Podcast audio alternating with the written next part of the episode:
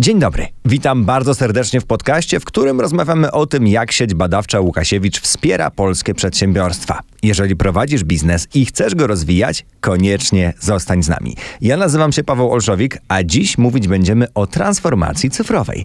W zrozumieniu dzisiejszego zagadnienia pomogą mi goście. Dziś mamy aż troje ekspertów, a są nimi pani Justyna Duszyńska, pan Przemysław Zawodny i pan Maciej Cader. Dzień dobry.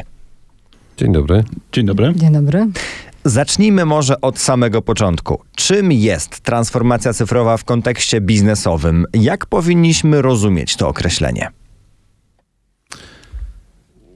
Generalnie transformacją cyfrową nazywamy zmianę czynności gospodarczych, czynności przemysłowych na, na, na bardziej ucyfrowione, czyli mówimy o cyfrowych obiegach dokumentów, mówimy o automatyzacji produkcji albo również o automatyzacji procesów biznesowych. Transformacja cyfrowa jakby wszystkie aspekty y, naszej gospodarczej, krajowej. Mówimy też o transformacji cyfrowej administracji publicznej, czyli o różnych również administracjach lokalnych. Także najprościej można powiedzieć, że ze świata analogowego przesuwamy się do cyfrowego, czyli coraz więcej usług jest dostępnych mobilnie, coraz więcej usług jest dostępnych przez internet, w chmurze i tak najprościej ująć to całe zjawisko. Ja, ja, myślę, ja myślę, że to jest słowo klucz, to znaczy to jest przede wszystkim zmiana. To jest zmiana, która zachodzi w przemyśle na różnych, na różnych poziomach, y, w różnych środowiskach. Y, I, I, faktycznie, tak jak powiedział, powiedział tutaj Przemek, dotyczy tego przejścia pomiędzy światem analogowym na świat cyfrowy. Także słowo klucz to zmiana, faktycznie zmiana niedokończona rewolucja, czy trwająca rewolucja? Czy tak możemy opisać transformację cyfrową, a raczej punkt, w którym obecnie się znajdujemy? Skoro już ją zaczęliśmy, to czy ta transformacja cyfrowa kiedyś się zakończy, czy to jest wiecznie trwający proces? Właśnie rewolucja ma to do siebie, że to jest jakaś zmiana, która w sposób jakiś istotny, ale w krótkim czasie powoduje właśnie y, y, jakieś mał, małe trzęsienie ziemi, można powiedzieć. To znaczy coś w sposób drastyczny zmienia się. I rzeczywiście biorąc pod uwagę te ostatnie kilka lat, możemy mówić o takiej y, znaczącej zmianie, jeżeli chodzi o proces e, transformacji cyfrowej, bo e, widzimy to zarówno na, na poziomie funkcjonowania przedsiębiorstw, ale też na poziomie usług, które są oferowane na przykład przedsiębiorcom czy obywatelom, ale jak obserwujemy ten rynek w Polsce, to, to jednak powiedziałabym to bardziej, że jest to y, ewolucja. To znaczy, y, to jest taki proces, który postępuje y, dosyć wolno w Polsce i, i myślę, że to też w ostatnich latach wynikało trochę i myślę, że też wynika z takiej mentalności też trochę nas, Polaków, ograniczonego zaufania do nowych rozwiązań i trochę z dystansem podchodzimy do, do tego, co przynoszą nam rozwiązania cyfrowe. Natomiast e, to, co zadziało się właśnie w ostatnich dwóch, trzech latach, czyli trochę zostaliśmy przymuszeni niejako do tego, żeby e, te rozwiązania cyfrowe wykorzystywać, to mm, rzeczywiście ta zmiana e, przyszła do nas szybciej i to, co kiedyś planowaliśmy w perspektywie długookresowej, zadziało się w przeciągu w niektórych przypadkach kilku miesięcy. Więc myślę, że tutaj rzeczywiście biorąc pod uwagę tą perspektywę ostatnich dwóch, trzech lat, to, to możemy mówić o takim mm, szybkim, e, szybkim postępie, jeżeli chodzi o ten rynek cyfrowy w Polsce. Natomiast mm, myślę, że to właśnie no, transformacja jest procesem, czyli no, trudno mówić tutaj o tym, że ten proces ma swój, e, będzie miał swój e, koniec. Raczej trzeba spodziewać się tego, że będziemy wchodzili na mm, trochę wyższy poziom dojrzałości w różnych obszarach rozwiązań cyfrowych. W ostatnim czasie często używany jest termin przemysł 4.0. Co on w ogóle oznacza? Znaczy ja myślę, że przemysł, y, przemysł, słowo przemysł znamy raczej wszyscy. Y, przemysł to jest coś dużego, coś, co, co nas otacza. Natomiast przemysł 4.0 to jest, to jest kolejny etap zmian w przemyśle, to jest czwarty etap zmian w przemyśle. Stąd przemysł 4.0. Mówimy o tej, Justyna nazwała to ewolucją. Jedni mówią faktycznie ewolucja, drudzy mówią rewolucja. Mówimy o tej zmianie, y, czyli tym przejściu z y, technologii analogowych na cyfrowe. Y, nazywamy to takim czwartym etapem rozwoju przemysłu. No i teraz wydaje mi się, że to, co jest najważniejsze i to, co powinno wybrzmieć w tym momencie, to y, jest to mm, taki etap, to co się teraz dzieje, to jest etap, w którym y, producenci powiedzieli, nasze technologie są gotowe do tego, żeby wesprzeć przemysł w poprawie efektywności, wydajności produkcji, w poprawie procesów, które zachodzą w, w przemyśle czy, czy, czy w administracji. To znaczy gotowe, czyli ręczymy za te technologie. No i teraz niniejszym w 2011 roku ogłoszono ogłoszono y, tą, y, powiedzmy, początek czwartej, czwartej zmiany w przemyśle, czwartej rewolucji y, przemysłowej, czyli, czyli ogłoszono po, początek, można powiedzieć, przemysłu 4.0. Czyli co to oznacza, że ogłoszono? To oznacza, słuchajcie, producenci mówią, te technologie, na które patrzyliśmy trochę przez pryzmat książek Lema, są gotowe do tego, żeby realnie was wesprzeć w produkcji i niniejszym możecie zacząć je kupować. Nie bez kozery, E, ten początek e, przemysłu 4.0 ogłoszono na targach w Hannover Messe. To są chyba jedne z największych targów w ogóle na świecie, e, no, które odbywają się, odbywają się w Niemczech. Jakie więc przykładowo technologie czy rozwiązania składają się na budowanie tego świata przemysłu 4.0? Czy to są tylko roboty? Generalnie przemysł 4.0 czy przedsiębiorstwo 4.0 nie składa się tylko z robotów. Większość polskich przedsiębiorców ma już, ma już roboty lub, lub właśnie inwestuje w te roboty. Mówimy teraz już o łączeniu wszelkich aspektów działalności przedsiębiorstwa, czy, czy, czy produkcji, czy przemysłu. Czyli automatyzujemy e, procesy decyzyjne, czyli, czyli chcemy połączyć już te roboty na przykład z e, częścią biurową, automatyzujemy administrację przedsiębiorstwa, automatyzujemy kontakt z klientami. Coraz więcej działań, mówimy o, przebiega w takiej sferze cyfr, cyfryzacji, już biura, zaplecza, czyli chcemy również w tym miejscu przechodzić do, do działań. Mówimy o procesach paperless, to jest też takie bardzo, bardzo chwytliwe słowo, to znaczy, że chcemy, żeby, żeby te nie było papieru, czyli, czyli zwyczajnie my te wszystkie obiegi realizujemy cyfrowo. E, można zobaczyć, że, że organizacja magazynu przebiega na tym, że mamy QR-kody, kody kreskowe, mamy czy skanery RFID, czyli, czyli cały ruch, wyzwolenie E, produkcji zaczyna odbywać się też w sposób cyfrowy, czyli, czyli generalnie robot pracuje, ale to, co on wykonuje, również cyfrowo trafia do niego, czyli, czyli my te obiegi i procesy również cyfryzujemy. My również cyfrowo możemy założyć przedsiębiorstwo w internecie. To już jest możliwe. Możemy cyfrowo komunikować się z administracją publiczną.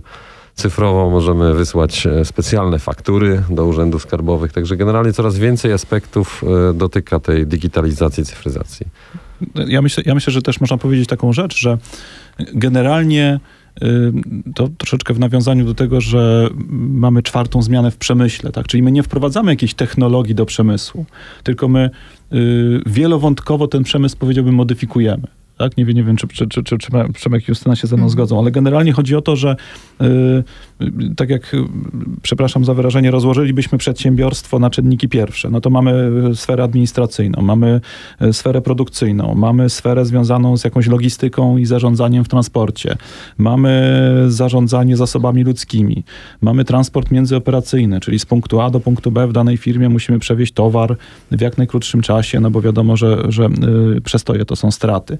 No i teraz to, co się wydarzyło, to y, nagle pojawiły się technologie, które odpowiadają wielowątkowo na potrzeby przemysłu, takie jak sztuczna inteligencja, tak? którą mamy i w administracji, i w sterowaniu robotami.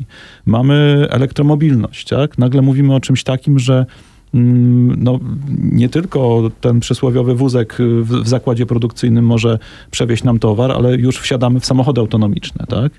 Na, następnie mamy kwestię obróbki danych, bazy danych, czyli y, po stronie, powiedziałbym, producent, po stronie produkcji mamy odpowiednie czujniki, które zapewniają nam, które dostarczają nam danych informacji na przykład o zużyciu y, jakichś komponentów na liniach produkcyjnych robotów y, czy, czy naszych narzędzi, a po stronie analitycznej przedsiębiorstwa mamy narzędzia do obróbki tych danych, czyli jakieś analizatory, ja nie jestem tutaj ekspertem, ale analizatory bazy danych, jak rozumiem, tak?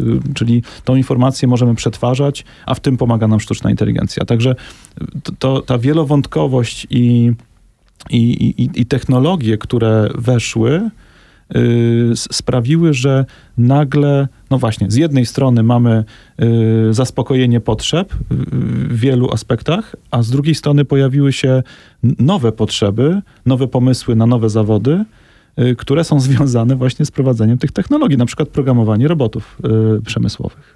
No właśnie, tutaj też technologie zaspokajają mm, punktowo pewne potrzeby, tak? Natomiast y, już w tej chwili myślimy nie o technologii właśnie w kontekście konkretnego jednego działania, ale bardziej myślimy w kontekście całego procesu, tak? Czyli jakby wykorzystujemy te e, technologie po to, żeby właśnie proces pewien w przedsiębiorstwie na przykład zamykał y, rozpoczynał się i kończył e, w oparciu o wykorzystanie narzędzi cyfrowych, więc myślimy bardziej w taki sposób właśnie y, blokowy, tak? Aniżeli punktowy w zaspokojeniu pojedynczych e, potrzeb. Gdzie jest Polska w tym kontekście na tle krajów europejskich? Chodzi mi tu zarówno o te procesy, jak i ludzi i technologie. Jak jesteśmy przygotowani do tej rewolucji?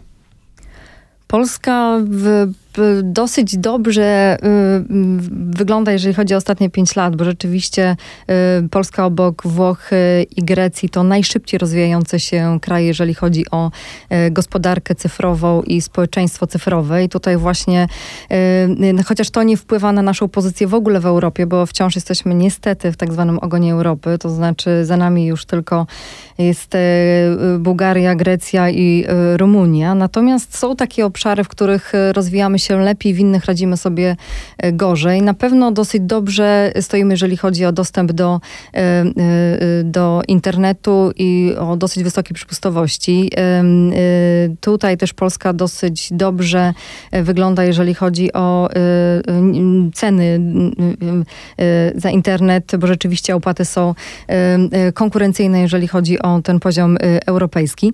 Natomiast już jeżeli chodzi na przykład o obszar kompetencji cyfrowych, to wypadamy e, trochę gorzej niestety, ponieważ właściwie tylko niewiele ponad 40% Polaków e, e, posiada podstawowe umiejętności cyfrowe, co, co jest znacznie poniżej tej średniej Unii Europejskiej. Mamy też niewielu absolwentów kierunków z tych obszarów ICT, bo to jest tylko niewiele ponad e, 3%.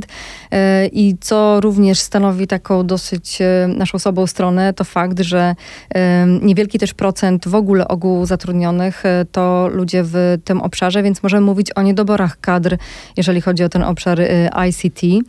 E, Natomiast dosyć dobrze radzimy sobie, jeżeli chodzi o na przykład dostęp do danych publicznych i tutaj możemy mówić o, o dosyć wysokim poziomie dostępu do, do rejestrów publicznych. Natomiast z perspektywy na przykład samych przedsiębiorców, to mówimy o e, jednak e, e, niskim poziomie wykorzystania technologii cyfrowych.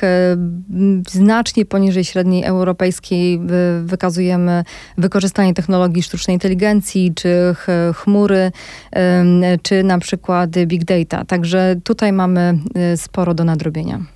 Ja myślę, że to można podsumować takim prostym zdaniem. To znaczy, my jesteśmy teraz na takim etapie, gdzie powinniśmy wyrównać do pewnego poziomu i dopiero y, będąc na tym pewnym poziomie, zaraz spróbuję to zdefiniować, zacząć myśleć o, o y, podłączeniu się do przemysłu 4.0, bo tak, tak bym chyba to nazwał. Bo przemysł 4.0 ja y, w swoim doświadczeniu mm, spotkałem się z przedsiębiorcami, no niestety nie będę tutaj chyba nawet nie wolno wymieniać nazw tych przedsiębiorców, ale generalnie spotkałem się z przedsiębiorcami bardzo świadomymi, jeżeli chodzi o przemysł 4.0. Ale z drugiej strony mm, do, do naszego instytutu przychodzili ludzie, którzy kompletnie nie wiedzieli, o co w tym przemyśle 4.0 chodzi i zadawali całkiem słuszne pytania, mianowicie takie, czy jeżeli ja postawię robota e, przy mojej linii produkcyjnej i faktycznie tego człowieka, który wcześniej e, przy linii produkcyjnej pracował, przesunę do innych zadań, to czy ja już mam przemysł 4.0, czy jeszcze nie? Czy potrzebuję jakichś naklejek, czy certyfikatów, czy potrzebuję dostępu światłowodowego i tak dalej, i tak dalej. No więc to pokazuje z jednej strony, jaka cały czas jest świadomość nasza, co to jest przemysł 4.0 i teraz drugie, druga, drugi przykład, kontrprzykład, przedsiębiorcy, który zarządzał swoją firmą będąc e, w delegacji w Stanach Zjednoczonych. To znaczy zarządzał w sposób e, taki, że e, na urządzeniu mobilnym, czy to tablet, czy to, czy to laptop, miał dostęp do baz danych e, z czujników e, produkcyjnych, mógł, mógł też estymować, co się stanie z maszynami, wydawać na tej, na tej podstawie polecenia i tak dalej. No i można powiedzieć, że on już tego przemysłu 4.0 dotyka. Y, Więc podsumowując, my musimy znaleźć się na takim poziomie, żeby być gotowi do podłączenia technologii, które są wyznaczone y, czy wpisane w kanwy przemysłu 4.0. To znaczy musimy naprawdę y, posiadać odpowiedniej szybkości łącza, czy to światłowodowe, czy technologie 5G. Na pewno powinniśmy posiadać odpowiednie zasoby do analiz danych, które będą do nas spływały. No i wreszcie obróbki tych danych. To znaczy y, świat cyfrowy y, coraz bardziej stara się odwzorowywać nasz świat y, analogowy czy świat rzeczywisty, właśnie między innymi po to, żeby skutecznie zarządzać procesami. No i teraz już tak mówiąc, od, y, pa, pa, patrząc od strony przedsiębiorcy, który jutro o 9 rano przyjdzie do pracy. No i trzeba przejrzeć po prostu, czy mam odpowiedniej mocy komputery. Trzeba przejrzeć, czy, czy mam odpowiedniej mocy światłowody i czy przede wszystkim y, jestem gotowy na y, spełnienie warunków y, mobilności przemysłu w rozumieniu takim, że czy jestem gotów na to, żeby spływały do mnie zamówienia z różnych miejsc na świecie i czy jestem gotów na to, żeby delegować na przykład moją produkcję do różnych miejsc na świecie.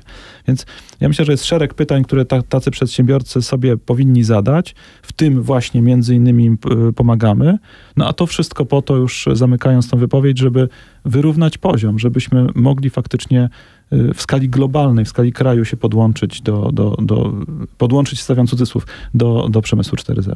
I tu- tutaj może ja też dodam małą rzecz. No, nie pomaga nam niestety to, że Polska jest dużym krajem, bo jesteśmy dużym krajem. E, Tacy liderzy jak Malta czy Estonia no, mają nie, niewątpliwy benefit, że mają mało obywateli, więc mają zdecydowanie łatwiej w tym aspekcie, przynajmniej w sferze publicznej. A my jesteśmy dużym krajem i, i to, jak czy duży kraj może mieć problemy z tym, że jest duży, możemy zobaczyć na Ukrainie w tej chwili, że jednak dużego kraju trudniej bronić i duży kraj trudniej rozwijać. E, Natomiast e, niewątpliwym mm, benefitem, który teraz w Polsce będziemy mogli zaobserwować, to jest, że powstają w tej chwili i uruchamiają się w Polsce europejskie huby innowacji cyfrowych, które właśnie takie zadanie będą mogły realizować.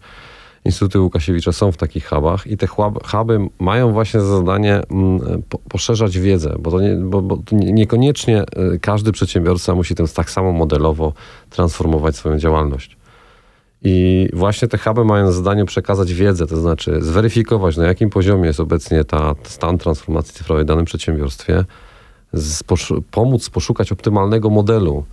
Czyli, czyli czy dla mnie faktycznie e, najlepsze jest budowanie swojej infrastruktury, czyli jakichś serwerów i, zaplecza, czy może lepiej być takim przedsiębiorcą, który korzysta z rozwiązań chmurowych, gotowych, czyli takim, który tej infrastruktury nie musi kupować, ale może wynajmować, czyli w ramach fo, fo, w formie usługi. Także wydaje mi się, że, że mamy szansę tą, ten poziom przede wszystkim brak wiedzy tego, co jest potrzebne, wyrównać, a jak pojawi się wiedza, pojawią się pieniądze, no to przedsiębiorcy po nie sięgną i, tą transformację po prostu uruchomią.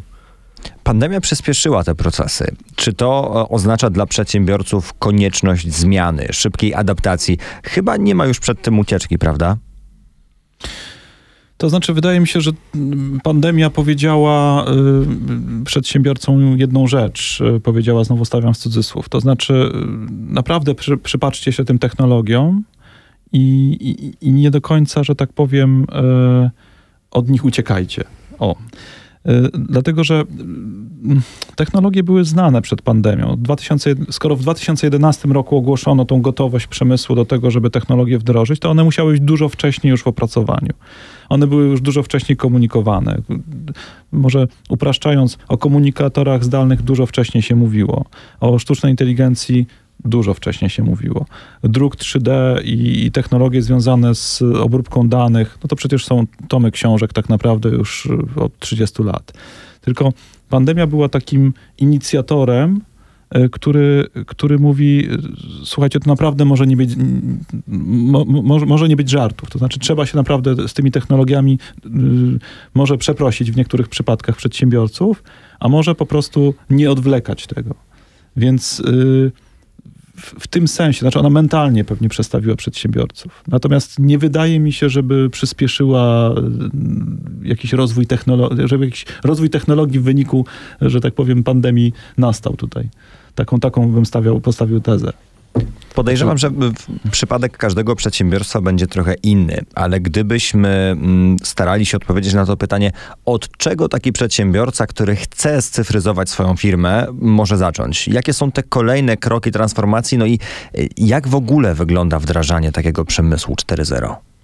Znaczy, proponowałbym zacząć od diagnozy gotowości cyfrowej, czyli, czyli przedsiębiorca powinien zdiagnozować właśnie, co u niego jest, co ma i powinien udać się właśnie, czy to do tych e, europejskich hubów innowacji cyfrowej, czy to do jakichś innych ośrodków, które taką usługę świadczą.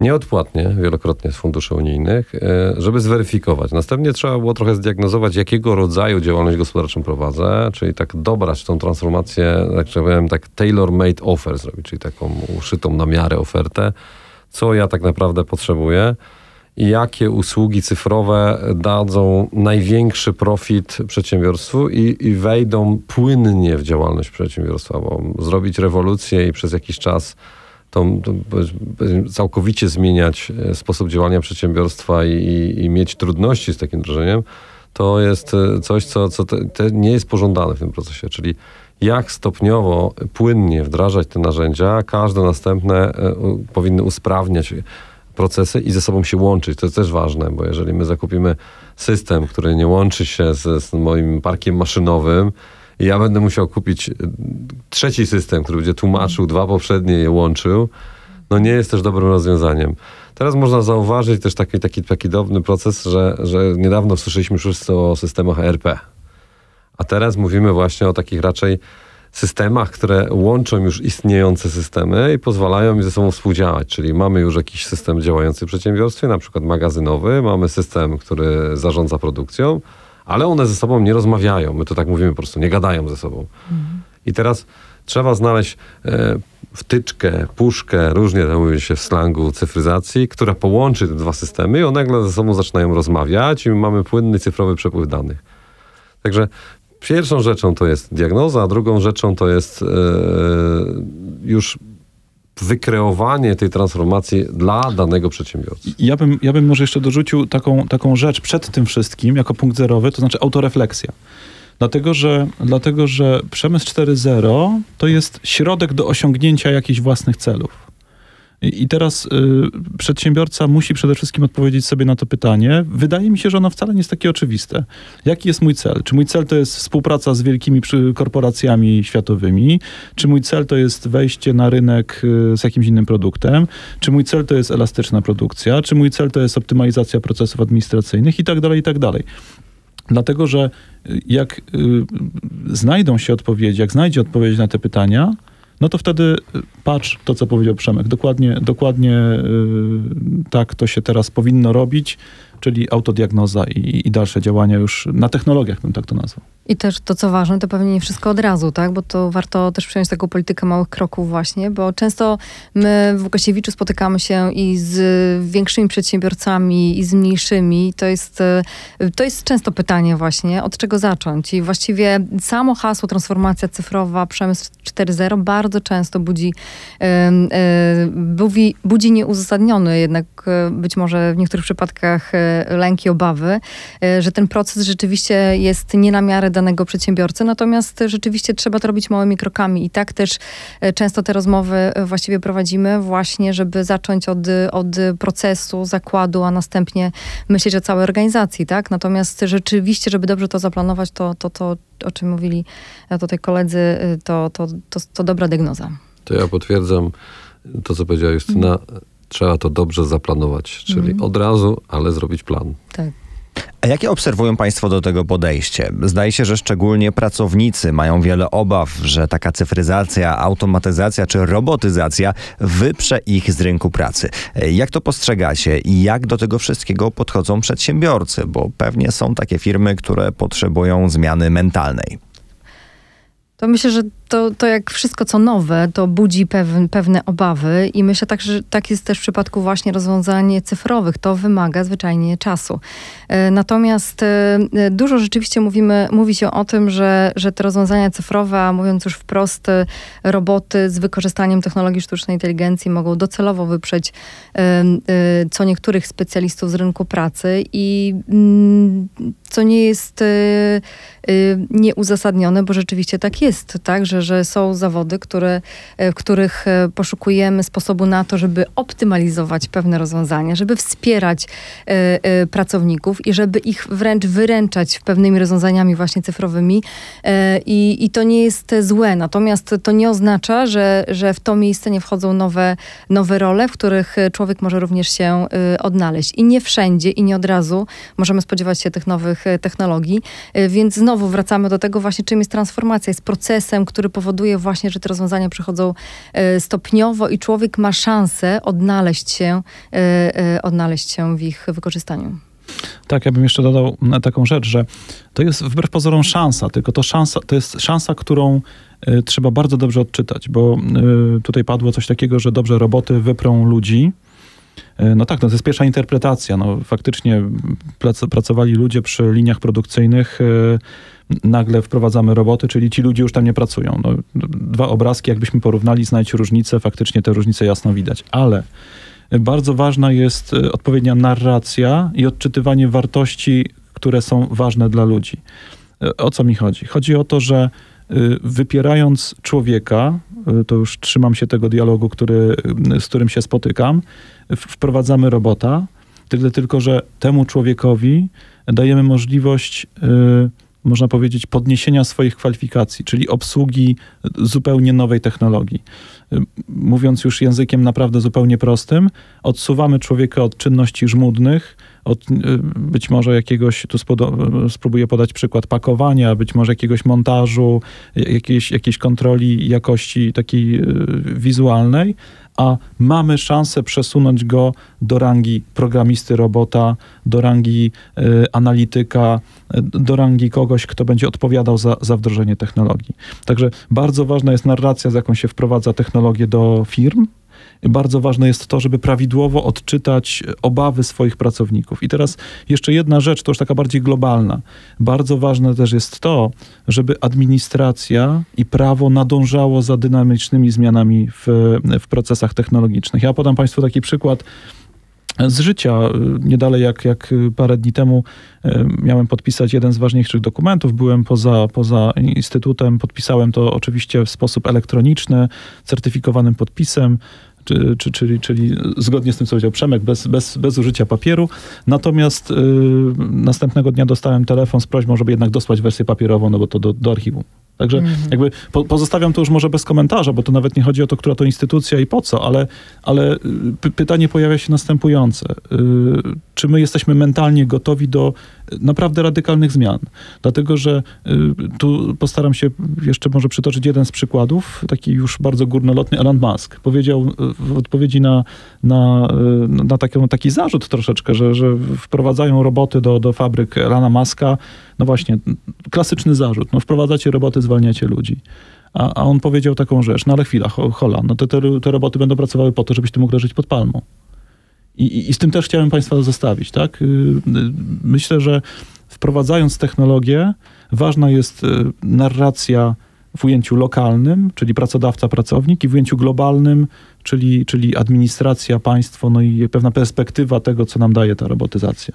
Właśnie. Tylko Przepraszam, to jeszcze dodam jedną rzecz, bo rzeczywiście mówimy e, o takich rozwiązaniach, które w niektórych przypadkach może wydają się też e, e, mało przyziemne. To znaczy nie w każdym, oczywiście teraz w najbliższym czasie przedsiębiorstwie możemy spodziewać się zastąpienia człowieka robotem na tak. przykład, albo automatyzacją linii produkcyjnych. Czasami to jest właśnie wdrożenie systemu typu ERP, albo na przykład system elektronicznego zarządzania dokumentacją. tak? Albo podpis, podpis prosta rzecz. Właśnie, pamiętam, słuchajcie, czasy sprzed 10 lat, jak byłam w jednym z ministerstwie, gdzie pani przyniosła maila i właściwie pokazywała właśnie jako załącznik do maila plik e, e, podpisu elektronicznego i to budziło wtedy obawy, co z tym właściwie teraz zrobić, bo wpłynął taki mail. E, natomiast najważniejsze jest to, na co zwrócił też uwagę właśnie Maciek, to znaczy komunikacja, to znaczy ludzie muszą rozumieć, czemu ma służyć wdrażane rozwiązanie, jaką oni będą mieli z tego korzyść i jaka jest ich rola właśnie przy wykorzystaniu tego rozwiązania. To znaczy ta komunikacja jest kluczowa do tego, żeby ludzie mogli przygotować się mentalnie, a i tak wdrażając takie e, nowe narzędzia, e, e, nie możemy zyskać poparcia 100%, tak? To jest czas. Ludzie potrzebują pobyć z tym, wykorzystywać na co dzień i, jeżeli to jest rozwiązanie, które jest, które ułatwia ich pracę rzeczywiście i w sposób namacalny, faktycznie czują, że to zmienia ich pracę, to potrafią rzeczywiście uwierzyć w to, że to jest coś, co, co, co może funkcjonować i może, może być korzystne z punktu widzenia zadań, które robią na co dzień. W temacie tej narracji, która nam się tutaj e, płynnie pojawiła, tych technologii jest wokół nas coraz więcej i ktoś mógłby właśnie w tym kontekście zapytać, czy rzeczywiście e, te roboty robią się coraz bardziej bezduszne, matematyczne, oparte na jakichś algorytmach, które nie posiadają emocji, czy też może jednak uwzględniają jakiś czynnik ludzki i stawiają człowieka w centrum? Uwzględniają, oczywiście, że uwzględniają, dlatego że e, my rozmawiamy teraz o przemyśle 4.0, wzg- rozmawiamy o transformacji 4.0 i można powiedzieć, e, przepraszam, troszeczkę tak e, prześmiewczo powiem, wsz- wszystko 4.0 teraz mamy. Natomiast parę miesięcy temu byłem na ciekawej konferencji, gdzie jeden z prelegentów poruszył temat przemysłu 5.0. No i teraz hola, hola, jak to jest, że my tutaj 4.0 ledwo mamy, ledwo o tym myślimy, a, a nagle mówimy o 5.0. Tyle, tyle tylko, że może już nie dotykając aspektów technologicznych, ale on powiedział jedną bardzo ważną rzecz w tym wszystkim. Mówi, że w przemyśle 5.0 najważniejszy będzie człowiek jako ten, ten, ten najważniejszy pierwiastek decyzyjny. Czyli widać w tym momencie, że no dobrze, to już wracając do technologii 4.0, mamy sztuczną inteligencję, mamy roboty, mamy podpisy elektroniczne, mamy y, zarządzanie obiegiem dokumentów elektroniczne i tak dalej, i tak dalej, i tak dalej. Ale jednak nad tym wszystkim y, nad tym wszystkim jest człowiek. Czyli ta ostateczna decyzja y, póki co należy do człowieka i ta koncepcja 5.0 y, pokazała jedną rzecz, że jednak rozwój technologii bez człowieka nie do końca ma sens. Dlatego, że cała koncepcja nawet y, Komisji Europejskiej związana z, e, ze zrównoważoną gospodarką, tak zwany Green Deal, tak, czyli ten Zielony Ład i tak dalej, i tak dalej, to wszystko robimy nie po to, żeby technologią na świecie było dobrze, żebyśmy mieli wszystko scyfryzowane, tylko żeby człowiek y, w odpowiedni sposób, czy w, w, w godny sposób tak naprawdę żył w zgodzie, w zgodzie z naturą i, i- i nie, niszczył, nie niszczył chociażby planety, którą, którą, którą mamy. Więc y, koncepcja, w której człowiek jest w centrum i teraz waham się, czy powiedzieć, że wraca, czy że po prostu cały czas jest. To ja, ja nawiążę do Maćka. Ja myślę, że, że, że ona już jest, bo, bo wszystkie mm, europejskie cele, czy te New European Bauhaus, Tak. czy wszystkie stawiają człowieka w centrum, tak? Mamy poprawiać swój dobrostan. Ale ta technologia jest też nakierowana na człowieka. Mamy sztuczną inteligencję, która pomaga diagnoście w diagnozowaniu nowotworu, tak, po analizie obrazu, tak, czyli, czyli mamy niedobór diagnostów, którzy prze, prze, przeglądają zdjęcia, czy przeglądają obrazy, a już sztuczna inteligencja wspomaga, czyli z, z prawdopodobieństwem 96% potrafi rozpoznać nowotwór, I, ale na końcu i tak diagnosta decyduje, czy dalej idziemy, czy go no, czy idziemy w tą ścieżkę dalszego diagnozowania, czy jednak nie. Mamy e, egzoszkielety, które wspomagają możliwości ludzkie, coraz częściej spotykane właśnie w takich miejscach, gdzie jednak jeszcze ten człowiek potra- musi przenosić ciężary. One wspomagają go w tym, tych możliwościach. Czyli ta technologia cały czas ma wspomagać człowieka. Ona nie ma na celu jego wyeliminowania. Ona ma go wyeliminować człowieka z miejsc niebezpiecznych, szkodliwych, w których ten człowiek tak naprawdę naraża swoje życie i zdrowie. Ale tak trochę wracając do poprzedniego wątku, no mieliśmy już różne rewolucje przemysłowe. Były taki zawód jak zdun do naprawy pieców kaflowych. Nie ma już zdunów, może już teraz są, no raczej tak jak powiedziałbym, ym, powiedziałbym jako art deco, jak ktoś chce mieć piękny piec kaflowy, to pewnie zduna znajdzie. Zwyczajnie ludzie będą musieli się transformować. Mamy teraz na przykład ogromną ilość samochodów spalinowych, mamy serwisy, które wymieniamy oleje, wymieniamy różne rzeczy. W samochodach elektrycznych nie ma olejów. Czyli, czyli będziemy mieli transformację całej branży, du, duża ilość ludzi będzie zmieniała swoje, swoją pracę. Ale teraz tak, no, jak będziemy mieli dużo robotów, to będziemy mieli dużo serwisantów robotów. Będziemy mieli firmy, które dostarczają różne podzespoły naprawcze do tych robotów. Także cały przemysł będzie się transformował. Problem w tym należy taki, żebyśmy mieli jak najmniejszą liczbę ludzi wykluczonych cyfrowo, tak to ich nazywam. Czyli takich ludzi, którzy nie zaadaptowali się do tych zmian, nie zdążyli, nie, nie, nie, ten nurt ich wykluczył. I, I tych ludzi też musimy zagospodarować. Dla nich też musimy przewidzieć rolę ale cały czas będą miliony ludzi, których trzeba obsłużyć, czy to za pomocą technologii, czy za pomocą ludzkich rąk i, i, i cały czas w sercu tego wszystkiego będą ludzie. No tak, tylko że z drugiej strony, słuchajcie, możemy zauważyć, że jednak y, ostatnie lata to była taka koncentracja właśnie na tworzenie nowych technologii, a właściwie takie podejście, w którym uwzględniamy ten aspekt ludzki właśnie, tak zwane podejście ethics by design, czyli projektowanie przy uwzględnieniu tych e, aspektów etycznych, gdzie bierzemy pod uwagę właśnie y, odczucia, rolę człowieka i jego, y, jego pozycję w interakcji na przykład z rozwiązaniami z wykorzystaniem technologii sztucznej inteligencji, to jest coś, co dopiero można powiedzieć y, jest y, w tej chwili e, wdrażane i to bardzo małymi krokami w projektach. Właściwie y, właśnie w Łukasiewiczu też próbujemy takie mm, podejście w projektach mm, zastosować i mm, widzę, że mało jest takich przykładów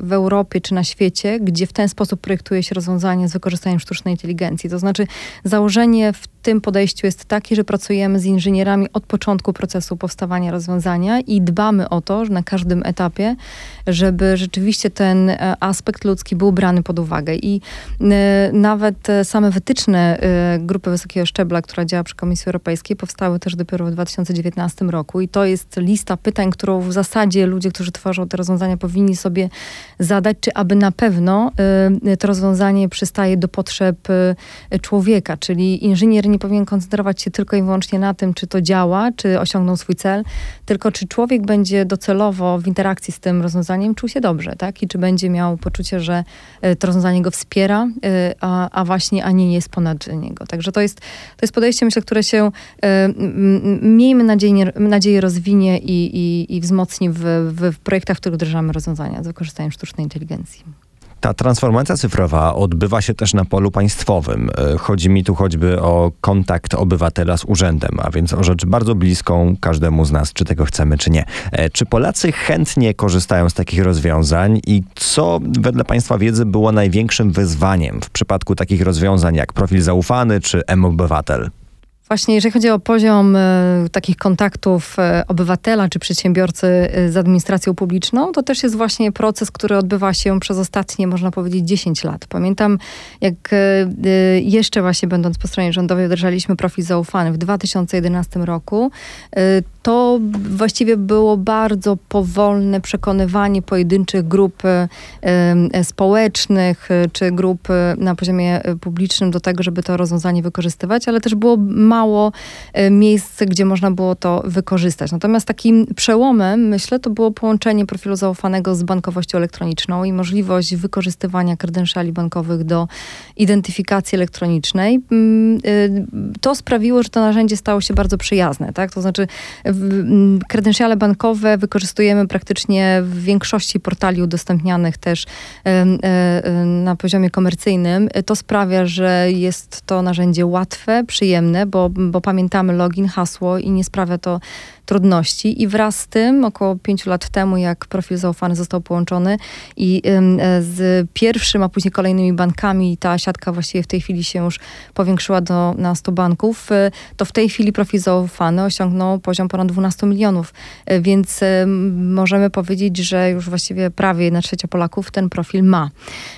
Największym wyzwaniem jest jednak, myślę, zaufanie po stronie obywateli i przedsiębiorców do tego, żeby wykorzystywać narzędzia cyfrowe, brak świadomości co do tego, że w ogóle one są dostępne. I to, to, zawsze, to zawsze był problem właśnie, że e, nawet jeżeli już była, była podaż, można powiedzieć, była taka zdolność po stronie, po stronie administracji do tego, żeby te rozwiązania, e, usługi cyfrowe e, były udostępnione, to jednak ludzie w sposób bardzo nieśmiały po nie sięgali. Natomiast myślę, że właśnie tutaj bardzo paradoksalnie ten, ten czas właśnie pandemii pomógł, bo właściwie zostaliśmy niejako zmuszeni do tego, żeby w miejsce wizyt osobistych w urzędzie skorzystać z tej komunikacji zdalnej. I to spowodowało, że w sposób znaczący to wykorzystanie usług cyfrowych wzrosło. I tu tak nawiążę trochę do wypowiedzi Maćka, coraz więcej urzędów zaczęło uznawać podpisy cyfrowe. Także to jest też i wiedzieć, że takie Miałem, istnieją. miałem pecha, miałem pecha po prostu. Tak, tak, także można znaleźć już takie, które Tak. uznają i nie widzą w tym problemu. No właśnie ta transformacja cyfrowa często kojarzy nam się ze wspomnianym urzędem, z biurem, z korporacją, ale pól, na których ta rewolucja się dzieje, jest przecież więcej, choćby rolnictwo, prawda? Zgadza, zgadza się. Mamy takie pojęcie jak rolnictwo 4.0 i tutaj dzieje się bardzo wiele i bardzo intensywnie, bo mamy również e, wiele innych problemów w rolnictwie związanych z coraz bardziej wyjałowionymi glebami, coraz droższymi nawozami, także zaczyna się proces tej cyfryzacji, automatyzacji produkcji rolnej. E, Mówimy już coraz bardziej o rolnictwie precyzyjnym, czyli to rolnictwo ma być e, tak zdigitalizowane, że my precyzyjnie e, siejemy, precyzyjnie nawozimy, precyzyjnie walczymy z e, chwastami i szkodnikami. W, instytucie na przykład pracujemy nad autonomicznym robotem polowym. To jest też takie rozwiązanie, które, które umożliwi rolnikom właśnie spoglądanie na uprawy, które uprawia robot. Ale ym, są różne inne zagadnienia, jak, jak powiedzmy cyfrowe ule, czyli, czyli jak walczyć zdalnie z warozą, która szybko atakuje nas pszczoły, które są tak istotne dla wegetacji roślin. Ale powstają już takie systemy i coraz e, częściej można z nich spotkać, jak taki asystent rolnika, czyli, czyli takie systemy trochę jak ERP w przedsiębiorstwie dla e, pojedynczego rolnika, czyli, czyli on, on mniej więcej wie, kiedy, kiedy wysiał swoje plony, ale, a i może sobie zapisać, jaki nawóz tam, no, jakie środki użył, czy on sobie zaczyna coraz bardziej cyfrowo prowadzić to swoje gospodarstwo rolne. Myślimy też o, i, i zaczynamy badać traceability w żywności, czyli cyfrowe łańcuchy dostaw, czyli od pola do naszego talerza, czyli, czyli chcielibyśmy wiedzieć tak naprawdę skąd jest ta żywność, jak była uprawiana, coraz bardziej chcemy to zrobić. To jest szczególne, istotne zagadnienie, bo Unia Europejska, jeżeli chodzi o jakość żywności, chce bardzo ją weryfikować, sprawdzać i namierzać. I to szczególnie te cyfrowe łańcuchy y, są szczególnie istotne. I zmierzając do końca, jakie największe wyzwania stoją przed przedsiębiorcami w kontekście cyfryzacji? Na co powinniśmy zwrócić największą uwagę i jaką rolę może tutaj pełnić sieć badawcza Łukasiewicz? tak jak powiedzieliśmy sobie na samym początku, y, to, co się teraz dzieje w przemyśle, to jest wielka zmiana, wielu, y, wielowątkowa wielka zmiana. Tak, tak, tak, tak myślę, że to można ująć. I myślę, że na tą wielowątkową, wielką zmianę bardzo y, precyzyjnie i efektywnie może, może odpowiedzieć y, no, powiedziałbym chyba rzesza naukowców, ponad 6 tysięcy Mhm. naukowców z, z, z Łukasiewicza. Y, I to w różnych aspektach. To znaczy, zarówno sztucznej inteligencji, robotyzacji, procesów technologicznych, y, też badań podstawowych, czyli zjawisk y, związanych y, chociażby z technologiami kwantowymi. Y, Więc można powiedzieć, że mamy dużego, czyli dużą zmianę przeciwko du- dużej organizacji i, i stawiamy temu czoło. Tak, ma, mamy sukcesy, ma, mamy udowodnioną skuteczność, także współpracujemy obecnie z przedsiębiorcami, pomagamy y, budować procesy cyfrowe, czyli czy, czy digitalizować niektóre rzeczy. E, Mamy takie flagowe projekty, które możemy się pochwalić, bo na przykład w instytucie, w którym pracuję, powstał BizGov. Oczywiście w współpracy z innymi jednostkami, ale, ale powstają systemy dla administracji publicznej. Ale, one mają zupełnie inną przeciwwagę niż dla przedsiębiorstw. Przedsiębiorstwa nie potrzebują takiego wielkiego bizgowa u siebie, tylko mniejsze rozwiązania. I te też pomagamy dobierać. I A propos właśnie pomagamy dobierać. No, mamy przecież też narzędzia, y, tak zwane branżowe punkty kontaktowe, bo powiedzieliśmy sobie, że przemysł 4.0 to jest no, swego rodzaju, pewnego rodzaju inwestycja tak naprawdę w przyszłość, inwestycja sensu stricte, to znaczy pieniądze po prostu trzeba wyłożyć w, na nowe technologie. No i te pieniądze jako Łukasiewicz y, wspólnymi siłami z przedsiębiorcami jesteśmy w stanie y, zdobywać, czy to na arenie międzynarodowej, czy, czy, czy, też, czy, też, czy też polskiej, jakby konsumujemy, w konsumujemy je w postaci projektów badawczo-rozwojowych, realizowanych w tandemie z przedsiębiorcami i potem wdrażamy tak naprawdę w postaci konkretnych technologii. Tutaj Prze- Przemek y, wcześniej powiedziałeś przecież o doradztwie całym, tak? Czyli to tak naprawdę zaczyna się już u nas od samego początku. No i można powiedzieć, że każdym, y, każdym, y, na każdym etapie tego procesu przejścia przedsiębiorcy, czyli od w zasadzie samego początku, czyli od pierwszego pytania, skąd wziąć na to wszystko pieniądze, aż po pytanie, y, to dobrze, to kiedy następny termin maintenance'u, tak?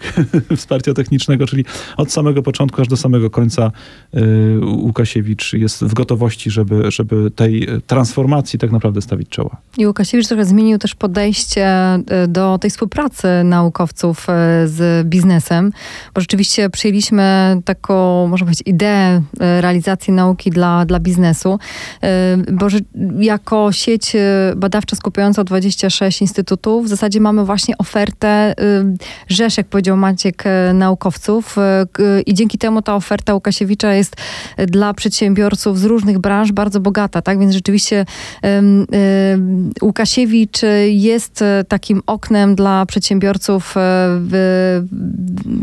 do, do którego mogą przyjść i w zasadzie uzyskać wsparcie w bardzo różnych obszarach e, e, swojego działania. E, I do tego też zachęcamy i widać też po tych ostatnich trzech latach naszej działalności, że tych chętnych przedsiębiorców do współpracy z Łukasiewiczem jest coraz więcej, bo mamy ponad 20% przedsiębiorców, którzy wracają i ponownie korzystają z usług Łukasiewicza, tak rok do roku, więc rzeczywiście widać, że ten potencjał Łukasiewicza już jest wśród przedsiębiorców znany i miejmy nadzieję rzeczywiście, że to będzie szło e, w górę. Ja myślę, ja myślę też, że, że, że my naukowcy mamy taką ciekawą zdolność, która chyba coraz bardziej jest doceniana przez przemysł. To znaczy po- potrafimy dynamicznie budować zespoły, koncentrujemy się na zadaniach, czytaj projektach na przykład badawczo-rozwojowych i tak naprawdę pracujemy w strukturach macierzowych. To znaczy dobieramy te zespoły, czy to na poziomie instytutów, czy to na poziomie instytutu, do konkretnych zadań. Dzięki temu możemy w sposób kompleksowy rozwiązywać zagadnienia. I tutaj podam przykład. Y, Łukasiewicz, y, PIAP, y, ekspert w dziedzinie automatyzacji, robotyzacji, no ale już nie ekspert w dziedzinie na przykład technologii klejenia czy w technologii drewna, ale tu z kolei ekspertów mamy wśród kolegów chociażby drewna, czyli Poznanie, z Poznania, Tak, tak, na w Poznaniu przykład. Także. Dlaczego ten przykład? Dlatego, że w odpowiedzi na taką, taką, y, takie zagadnienie, chociażby jak robotyzacja w obszarze technologii drewna, możemy połączyć siły i przygotować stosowną ofertę. Tak, i, i, i, tak e, łącząc te, te, te wszystkie wątki, ja mogę powiedzieć jeszcze, że mamy coś takiego jak europejski state of the art. To znaczy pracujemy również w projektach europejskich z największymi sieciami badawczymi całej Europy, z różnymi kolegami z, z krajów, innych krajów i widzimy, co jest w tej chwili jakby tym, tym, tym, tym poziomem wyjściowym wiedzy. Czyli, czyli to nie jest tak, że my stosujemy rozwiązania, które są w Polsce nowoczesne, my stosujemy rozwiązania, które są nowoczesne w całej Europie, na całym świecie, bo mamy też kontakty z e, za, e, naukowcami z zagranicy całego, całego świata i potrafimy doradzić rozwiązanie e, ultra topowe, najnowocześniejsze, ale wiemy, że czasami ono nie jest potrzebne. Czyli, czyli jak mówimy, szyjemy rozwiązanie na miarę. Drodzy przedsiębiorcy, jeżeli chcecie więc rozwijać swoje skrzydła, to wiecie już, gdzie się udać. Serdecznie dziękuję za inspirującą i konkretną rozmowę. Przypomnę, że moimi i Państwa gośćmi byli pani Justyna Duszyńska, pan Przemysław Zawodny i pan Maciej Cader z sieci badawczej Łukasiewicz. Dziękuję serdecznie, do usłyszenia. Dziękuję. Dziękujemy. Dziękuję bardzo.